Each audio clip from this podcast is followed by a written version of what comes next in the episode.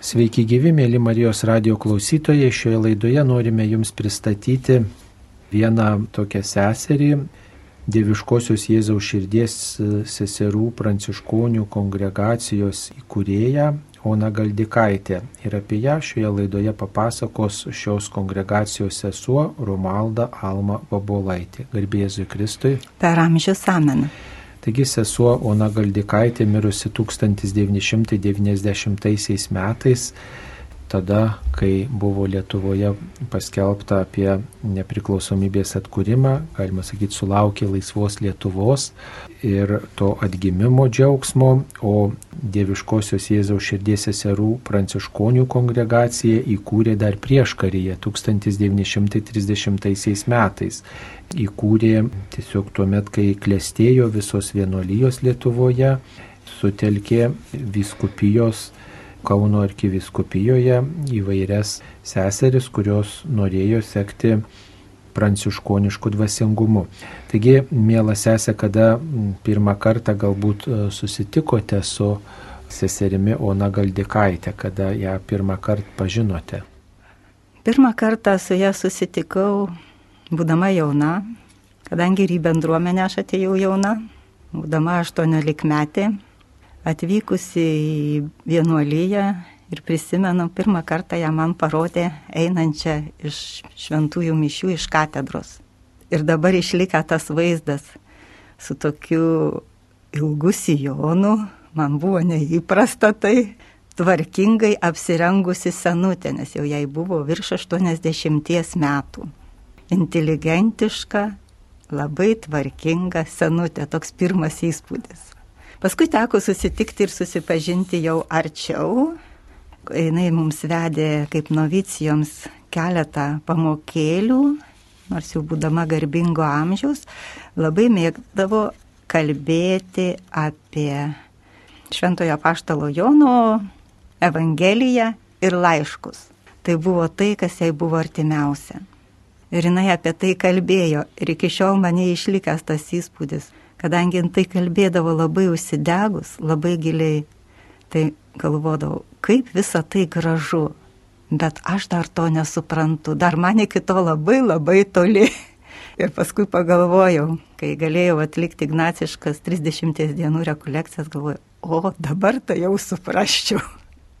Tai va toks buvo pirmas susitikimas, paskui buvo ir kitų susitikimų ir iš tikrųjų tai, kas man prisimena, tai jos išvalga, atpažinimas, mes labai nedaug bendravom, bet jinai tikrai pagavo mano vidų. Ir kai jinai parašė mano pirmiesiems išadams eilėraštį, jame aš atpažinau tikrai save. Ir paskui dar tokia viena jos išvalga buvo, aš studijavau tuomet medicinos institutę farmaciją, jinai sakydavo, nu ką tu ten darai, tau reikia dirbti su vaikais.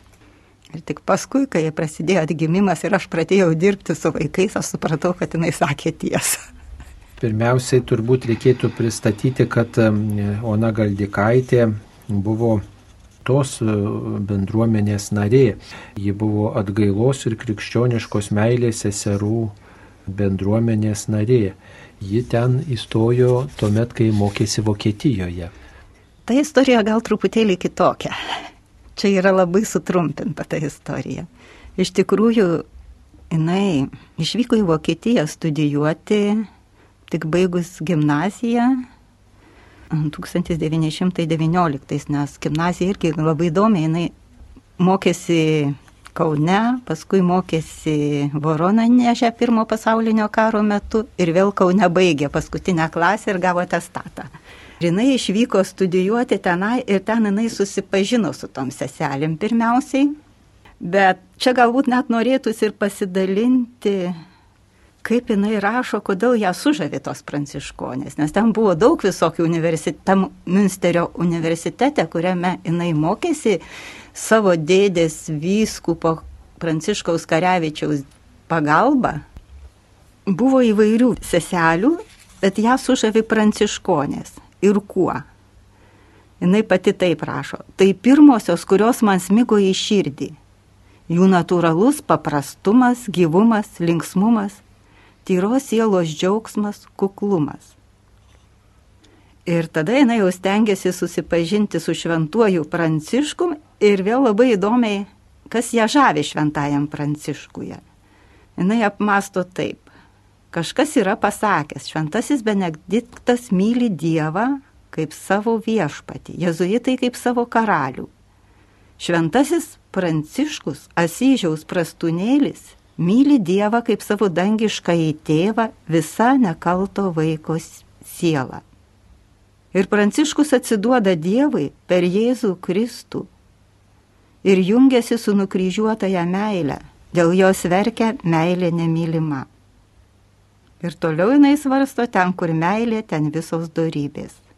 Ir ta meilė įgyjama gyvenant Evangeliją. Ir gyvenant Evangeliją linksmąją naujieną, ir pats Pranciškus tampa brolis visad linksmas jinai tame atranda tą laisvumą tokį, džiaugsmą ir kartu atpažįsta, kaip jinai sako, kad Pranciškus tarsi išpildo visus jos jaunystės idealus. Tai yra troškima padėti tautai iškilti šventumu. Tautai per tiek karo audrų, tiek kančių praėjusiai kuriai tiek daug priešų grasina morališkai sugadinti ir supūdyti. Čia tiesiog vėl citata. Jis iš tikrųjų masto tai, ką šventasis pranciškus galėtų duoti tautai. Būdama tenai dar svarsto, Lietuvoje nėra pranciškonių. Taip, jinai jaučia tą didžiulį troškimą stoti į šitą bendruomenę, šituo dvasingumu gyventi, bet Lietuvoje nėra pranciškonių vėl labai įdomiai jinai rašo, tai negalima. Tai nusikaltimas tautai.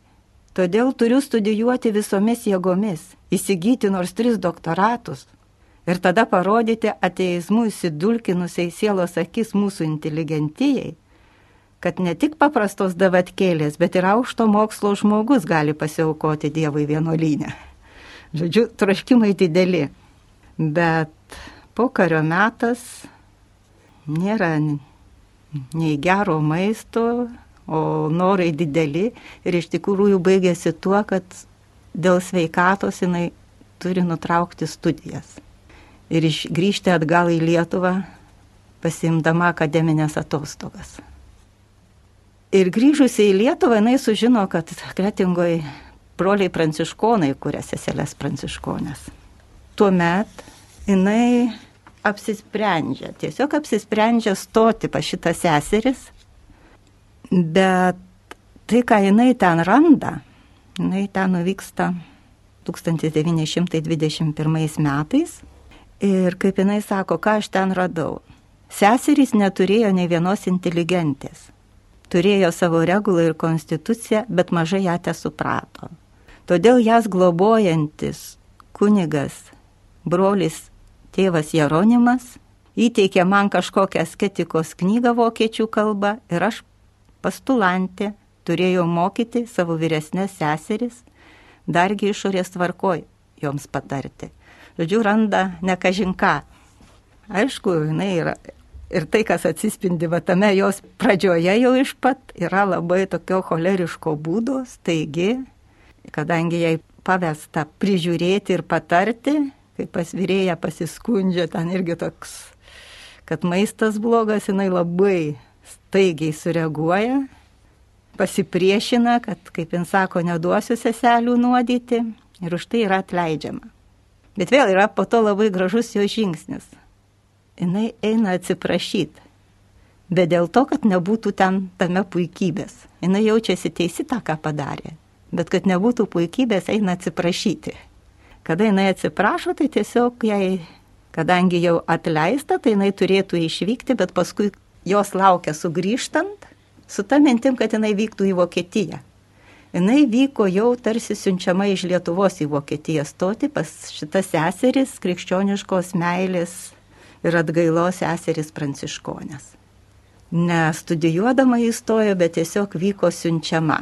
Aišku, jinai svajojo ten paskui ir pasilikti, nes kai jinai prašė tas seseris kurtis Lietuvoje, jos pasižiūrėję atvyko ir pasakė, kad mes neturim išteklių kurtis Lietuvoje. Per daug sudėtingos visos aplinkybės, kurias pamatė ir tuo metu jinai sužino, kad tos seselės, ta vienuolyje pranciškonių, praktiškai neturi jokio juridinio patvirtinimo. Iš viskupijos gauna pranešimą, kad visų jų įžadai negalioja ir jos, kurios ten yra, gali keliauti laisvai į pasaulį, o kadangi tuo metu buvo šitos atvykusios su motina, dabar jau su sesė Augustina e, iš Vokietijos seserys, tai kai kurias iš jų pasiima ir išsiveža į Vokietiją, į tą vienuolyną. Tai va, ta pradžia va tokia buvo. Jis ten gauna sesers Augustinos vardą išvykusi, jau jinai buvo išvykusi, 22 rudenį, gauna ten sesers Augustinos vardą, nes aš anksčiau ypač tai vienuolijose buvo keičiamas vardas. Ir ten jinai baigusi ūkdymo laikotarpį prieš amžinuosius įžadus 28 metais, jau jai buvo leista duoti įžadus, bet viskupas Pranciškus Karevičius, jos dėdė, vėl iš naujo ir jai rašo, ir net pats užvažiuoja, vykdamas iš Romos prašyti, kad seserys arba kurtų Lietuvoje savo padalinį, skyrių, arba išleistų lietuvaitės, kad jos galėtų pradėti savo jėgomis pranciškoniškos dvasios vienuolyje, nes Lietuvoje jau buvo įvairių vienuolyjų, bet tuo metu pranciškoniškų vienuolyjų dar nebuvo.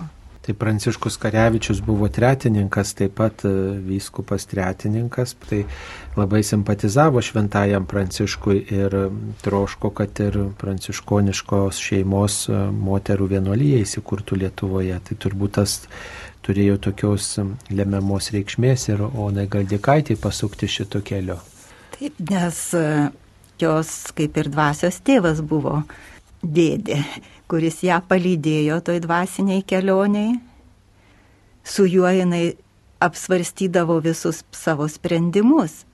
Iš tikrųjų, tai irgi yra labai gražu, kad kai jinai išvertė savo dėdės laišką su tuo kvietimu arba kad prašyti vyresniųjų, kad arba jie kurtųsi, kadangi jau jie nusprendė, kad jie nebegali, kad leistų ją įvykti į Lietuvą, nusintė vyresniesiems tą išverstą laišką.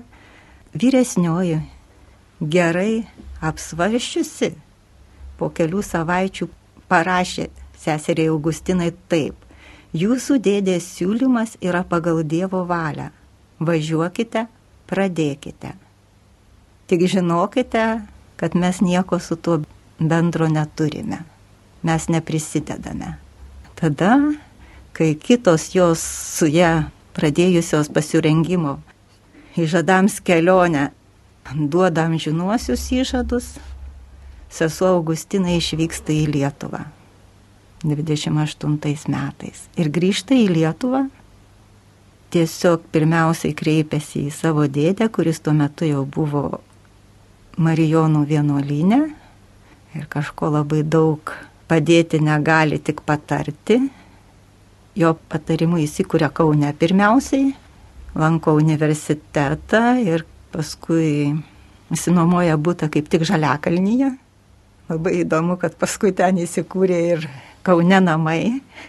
Ir tokia viena iš pirmųjų jos veiklų buvo, tam buvo tokie kareivinių barakai, kur gyveno labai labai vargingai žmonės ir kaip jinai aprašo, tos kareivinės pertvertos kažkokiais bjauriais kudurais ir šiaudų kūlys ir tai šeimos kambarys. Ir jinai tada jau kreipėsi ir į miesto valdžią, kalbėdama universitete apie socialinę veiklą. Jos dėka net paskui tos šeimos kažkiek gauna geresnius tuos būstus. Tiesiog jinai pradeda tą tokią socialinę veiklą dar nepradėjus vienuolijos. Nes tuo metu praktiškai, kaip ir dabar turbūt panašiai reikia kažkokio turto, kur pradėti, kur gyventi. Jinai praktiškai nieko neturi kol kas. Ir 30 metų, 29 metų turbūt dar antroj pusėje, jai pasiūloma prie kretingos padvarių kaime toks apleistas, pusiau apleistas ūkis ir namas. Nu ką, jinai ten, ir, ten įsikūrė, tai ten yra mūsų pradžia. Ir kaip jinai sako, šiaudinių stogų pirkė, molinė asla, kryžius be kančios, ką jinai irgi priima, kad tai vieta man. Ir ten prasideda padvariuose jau vienolyjos kūrimasis. Ir ten viskas vyksta kažkaip nuostabiai stebuklingai greitai, nes vyskupas Justinas Taugaitis yra net raštai išlikę, kovo 20 dienos raštu jau leidžia kurtis vienuolyjei Dieviškosios Jėzaus širdies seserų pranciškonių kongregacija pavadinimu.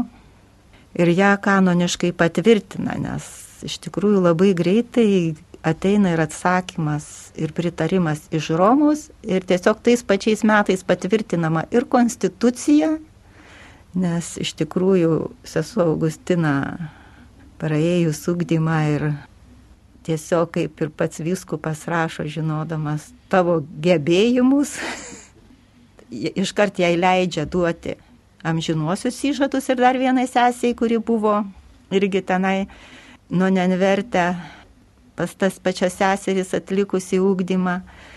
Tai sesiai Augustinai ir sesiai Leandrai leidžia iškart duoti amžinuosius įžadus.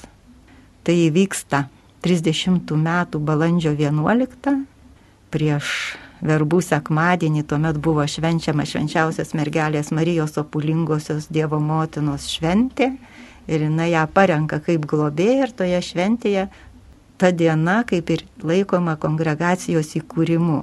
Nes tą dieną ne tik tai šitos dvi sesės davė amžinuosius įžadus, bet buvo penkios mergaitės apvilktos abitų, tai yra pradėjo novicijatą, tai yra mūsų kongregacijos gimimo diena, pradžia. Čia motina Augustina sėkmingai, iš tikrųjų labai sėkmingai, nes turbūt nepraėjo nei treji metai, kad ten iškilo šalia to šiaudinių stogų gryčios trijų aukštų pastatas ir vyko visa veikla, nes ten jos globojo senelius, mergaitės, katekizavo vaikus ir neužilgo pradėjo dar vadovauti Valteriškės vaikų prieglaudai, nes ten buvo vaikai apleisti tiesiog.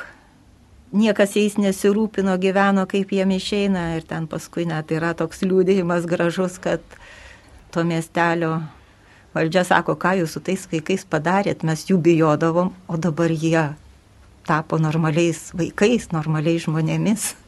Tai tiesiog ta, ta veikla yra laiminama. O paskui 32 metais kadangi vis tik tai motinos, tuomet jau vyresniosios motinos Augustinos noras iš tikrųjų daugiausia dėmesio skirti vaikams, jinai sužino, kad e, Kaune vyks Montessori metodo kursai darželių auklėtojoms. Ir jinai vieną seserį ir vieną dar tik tai be pradedančią pastulantę siunčia į tuos kursus palydė į Kauną ir jos apsistoja kaip tik tai Žemaičių gatvėje, kur dabar yra mūsų namai. Ta šeimininkė nu, Ona Sinkevičianė nusprendžia padovanoti viso hektaro sklypą ir tuos namelius, kurie ten buvo, tris. Viename pasilieka pati gyventi, kitose, kituose leidžia, kitus tuos namelius paskiria seserų reikmėm Ir ten Kaune prasideda vienuolyje. Ir aišku, iškart tai, kas įvyksta pirmiausia, tai Kaune įsteigiamas Montessori metodo vaikų darželis. Vienam iš tų pastatų.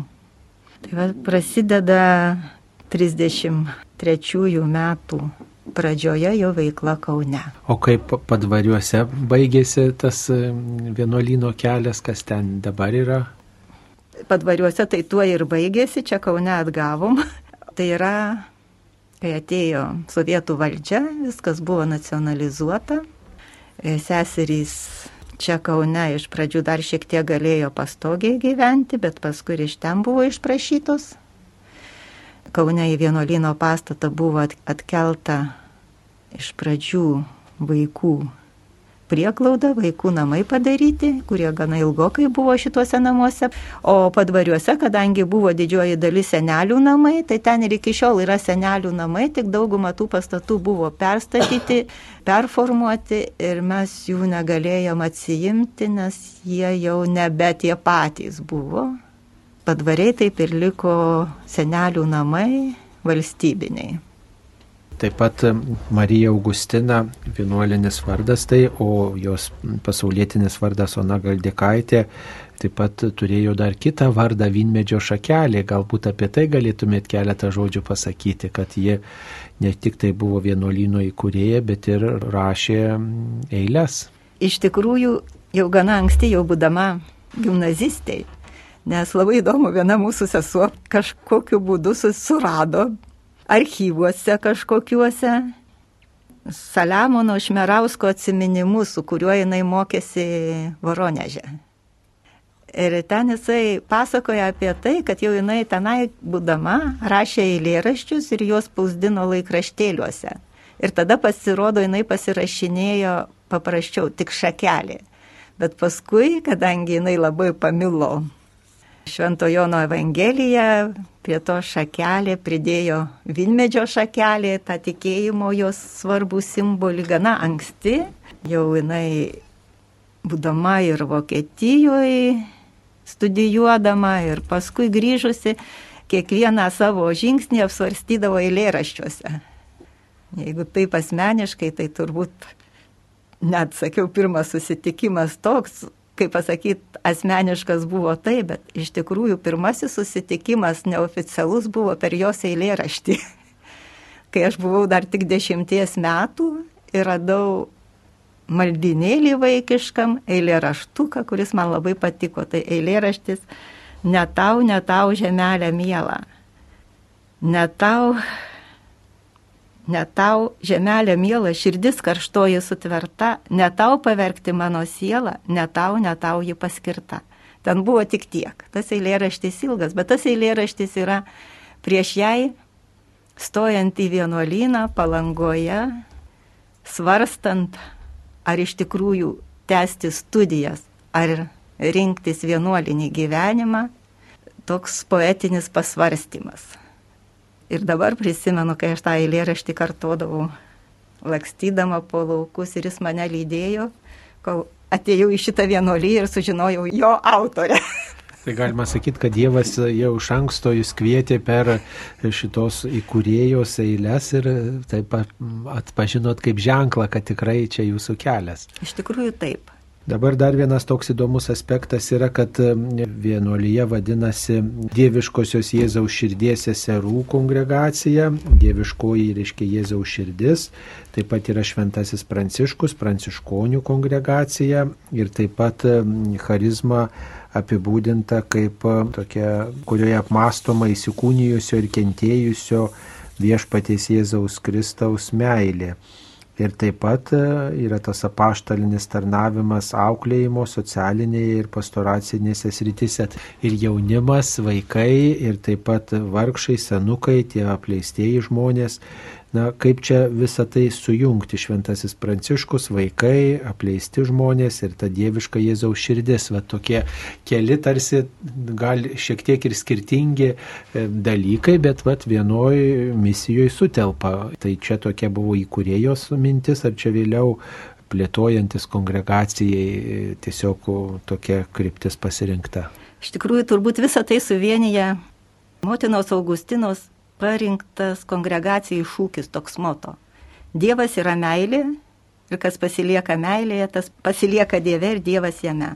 Ir tai yra tai, kas motina Augustina pačioj pradžioj žavi ir dėl ko sužavė ją šventasis Pranciškus. Kad Pranciškus myli Dievą kaip vaikas ir jis verkia, kad meilė nemylima, nukryžiuotoji meilė nemylima. Ir ta nukryžiuotoji meilė nemylima ne tik tai e, kaip Dievas, bet ir žmonėse. Ir tas visas plotis jos misijos, iš tikrųjų tai yra jos pačioj pradžioj ta misija. tai, ką darė, nes, kaip, kaip sakiau, iš pat pradžių jau buvo padvariuose ir senelių namai, ir vaikų katechizmo mokyklėlė, ir darželis, ir iškart darbas su vaikais apleistais prieglaudose, ir čia, Kaune, vaikų darželis. Ir dar vienas labai įdomus dalykas, kai Kaune jau buvo pastatytas didysis namas, tai buvo pirmieji Lietuvoje ignaciškų tylos rekolekcijų namai mūsų namuose. Net yra išlikę net tokia iškarpa iš 21 amžiaus, kad net tuometinis popiežius atsintė palaiminimą pirmųjų rekolekcijų progą 38 metais. Tai iš tikrųjų yra labai įdomu, kas mane irgi labai žavi motinos Augustinos gyvenime ir dvasioje, kad jinai labai atvira ir mėgsta jungti įvairius dvasingumus. Čia ignaciškos rekolekcijos tai irgi meilė net e, įsiplečia, nes ne tik tai ir gal ne tiek, kad tik tai tas išorinis skurdas, bet ir tas dvasinis skurdas yra. Ir jinai tam dėmesį didžiulį skiria. Ir kaip jinai irgi ne vieną kartą yra užsiminus, kad per vaikus į šeimas, į tėvus reikia kreiptis ir auginti, brandinti tą krikščionišką dvasę, kai jinai iš pat pradžių sako, kad iš tikrųjų gelbėt Lietuvą nuo to moralinio nuosmukio. Tai, kas jai labiausiai artima. Ir tie visi meilės darbai tiesiog plaukia iš jos įsimastymo į Dievo meilę. Ir, nežinau, neatsispirsiu pagundai pacituot, kur aš dažnai skaitau ir man dažnai yra tas toks, nu, tarsi iššūkis mūsų vienuolyjei. Yra toks jos užrašas. Jau vėliau, čia jau sovietmečių turbūt. Kaip drįsti? Tai yra turėti drąsos vadintis tokiu garbingu vardu. Dieviškosios Jėzaus širdies sesuo Pranciškonė, kai žmonėje taip žiauriai smunka ir skaudžiai žaidžia amžinąją meilę. Ja niekina, jos nekenčia, nori pašalinti ją iš visų širdžių.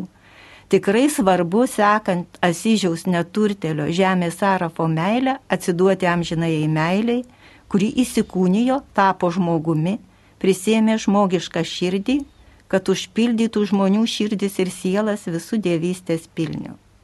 Manau, kad taip apima ir suvienyje visą, ką jinai veikė, tai, kas jai buvo svarbu iki pat gyvenimo galo.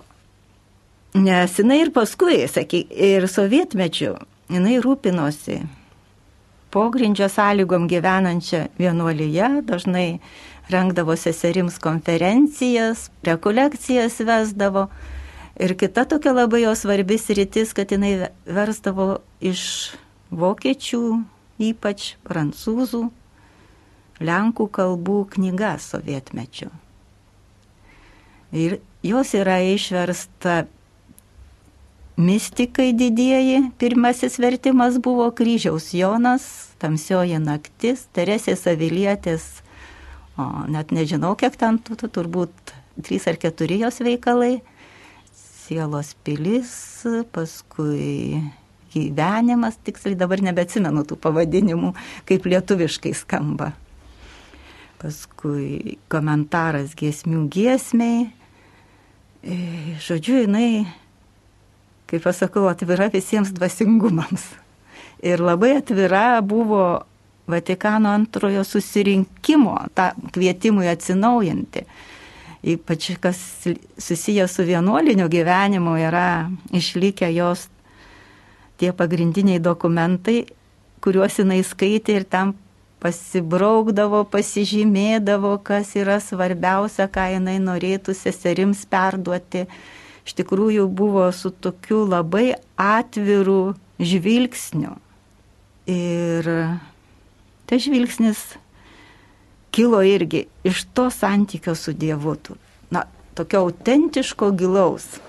O kaip sovietmečio, kai buvo tos vienuolijos išsklaidytos, visos vienuolijos išsklaidytos ir seserys išvytos iš savo namų Kaune, tai kaip teko jai veiklą plėtoti, žodžiu, ką jinai veikė, kur glaudėsi ir, ir, ir tiesiog kaip tada bendravo su seserimis.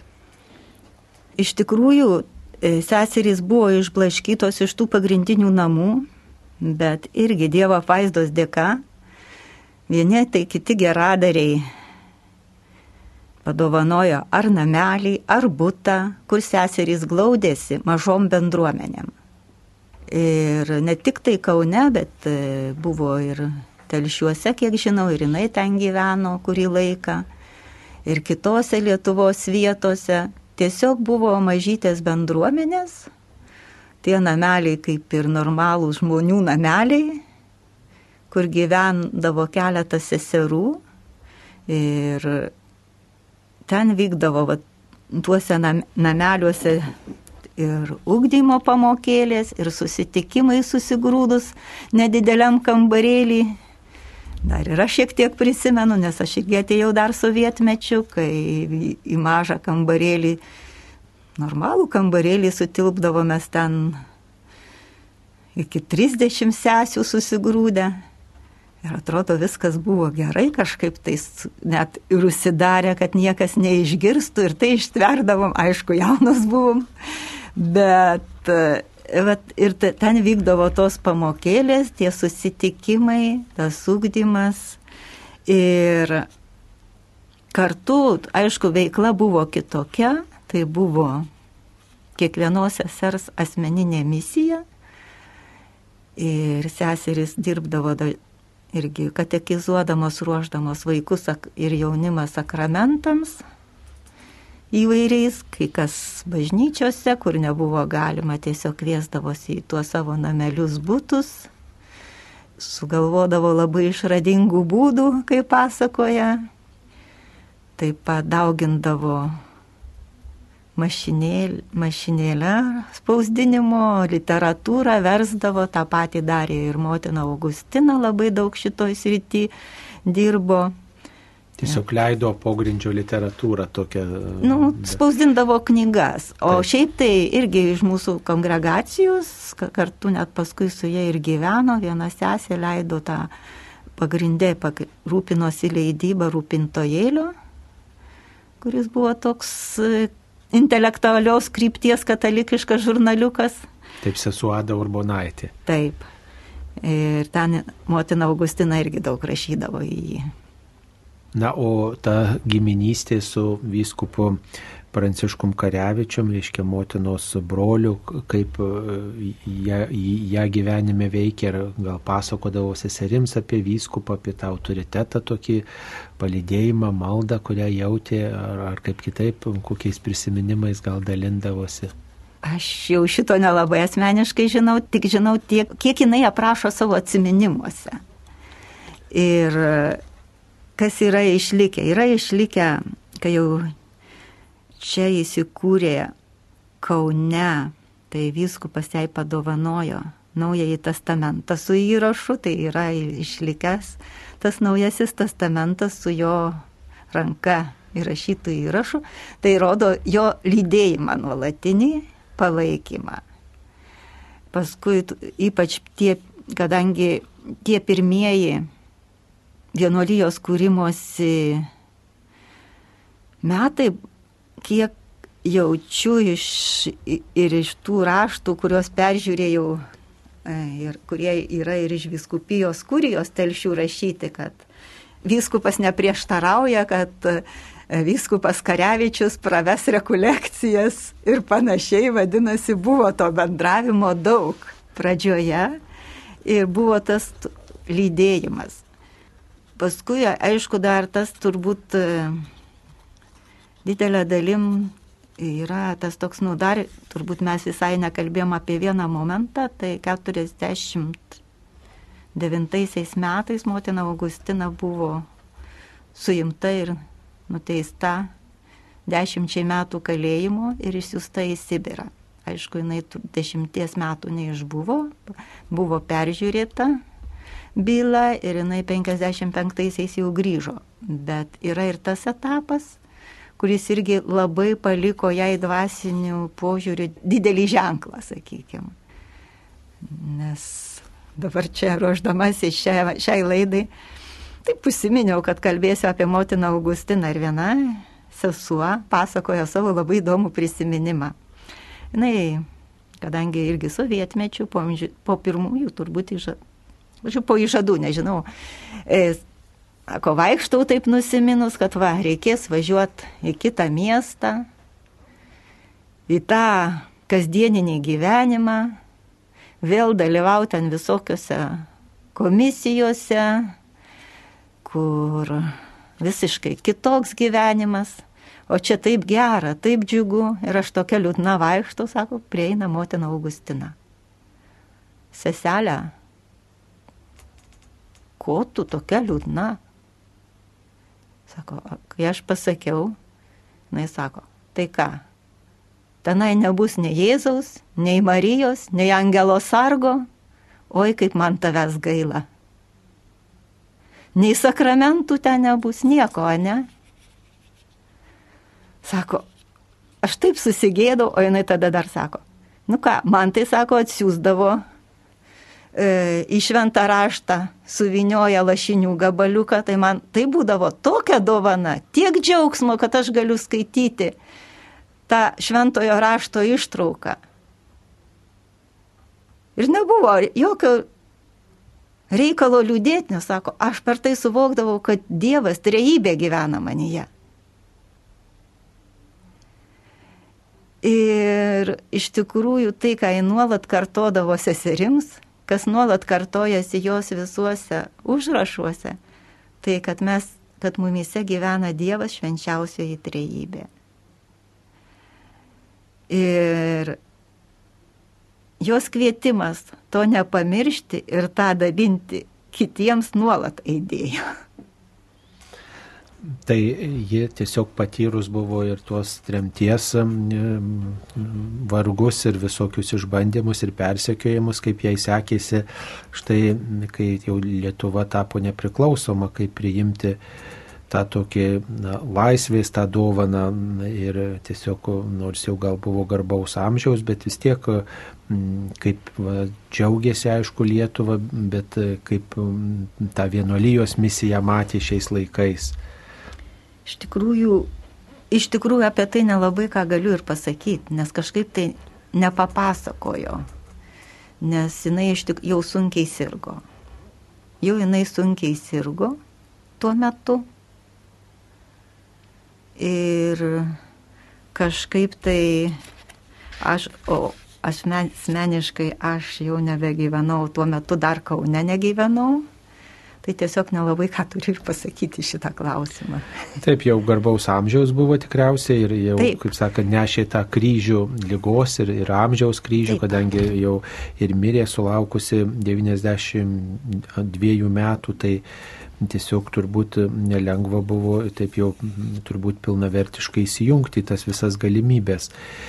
Na, kaip galėtume mes apibendrinti visą jos gyvenimo kelią, tiesiog tiem klausytojams, kurie gal šios laidos klausosi ne nuo pradžių, kaip galėtume priminti, kas buvo Ona Marija Augustina Galdikaitė.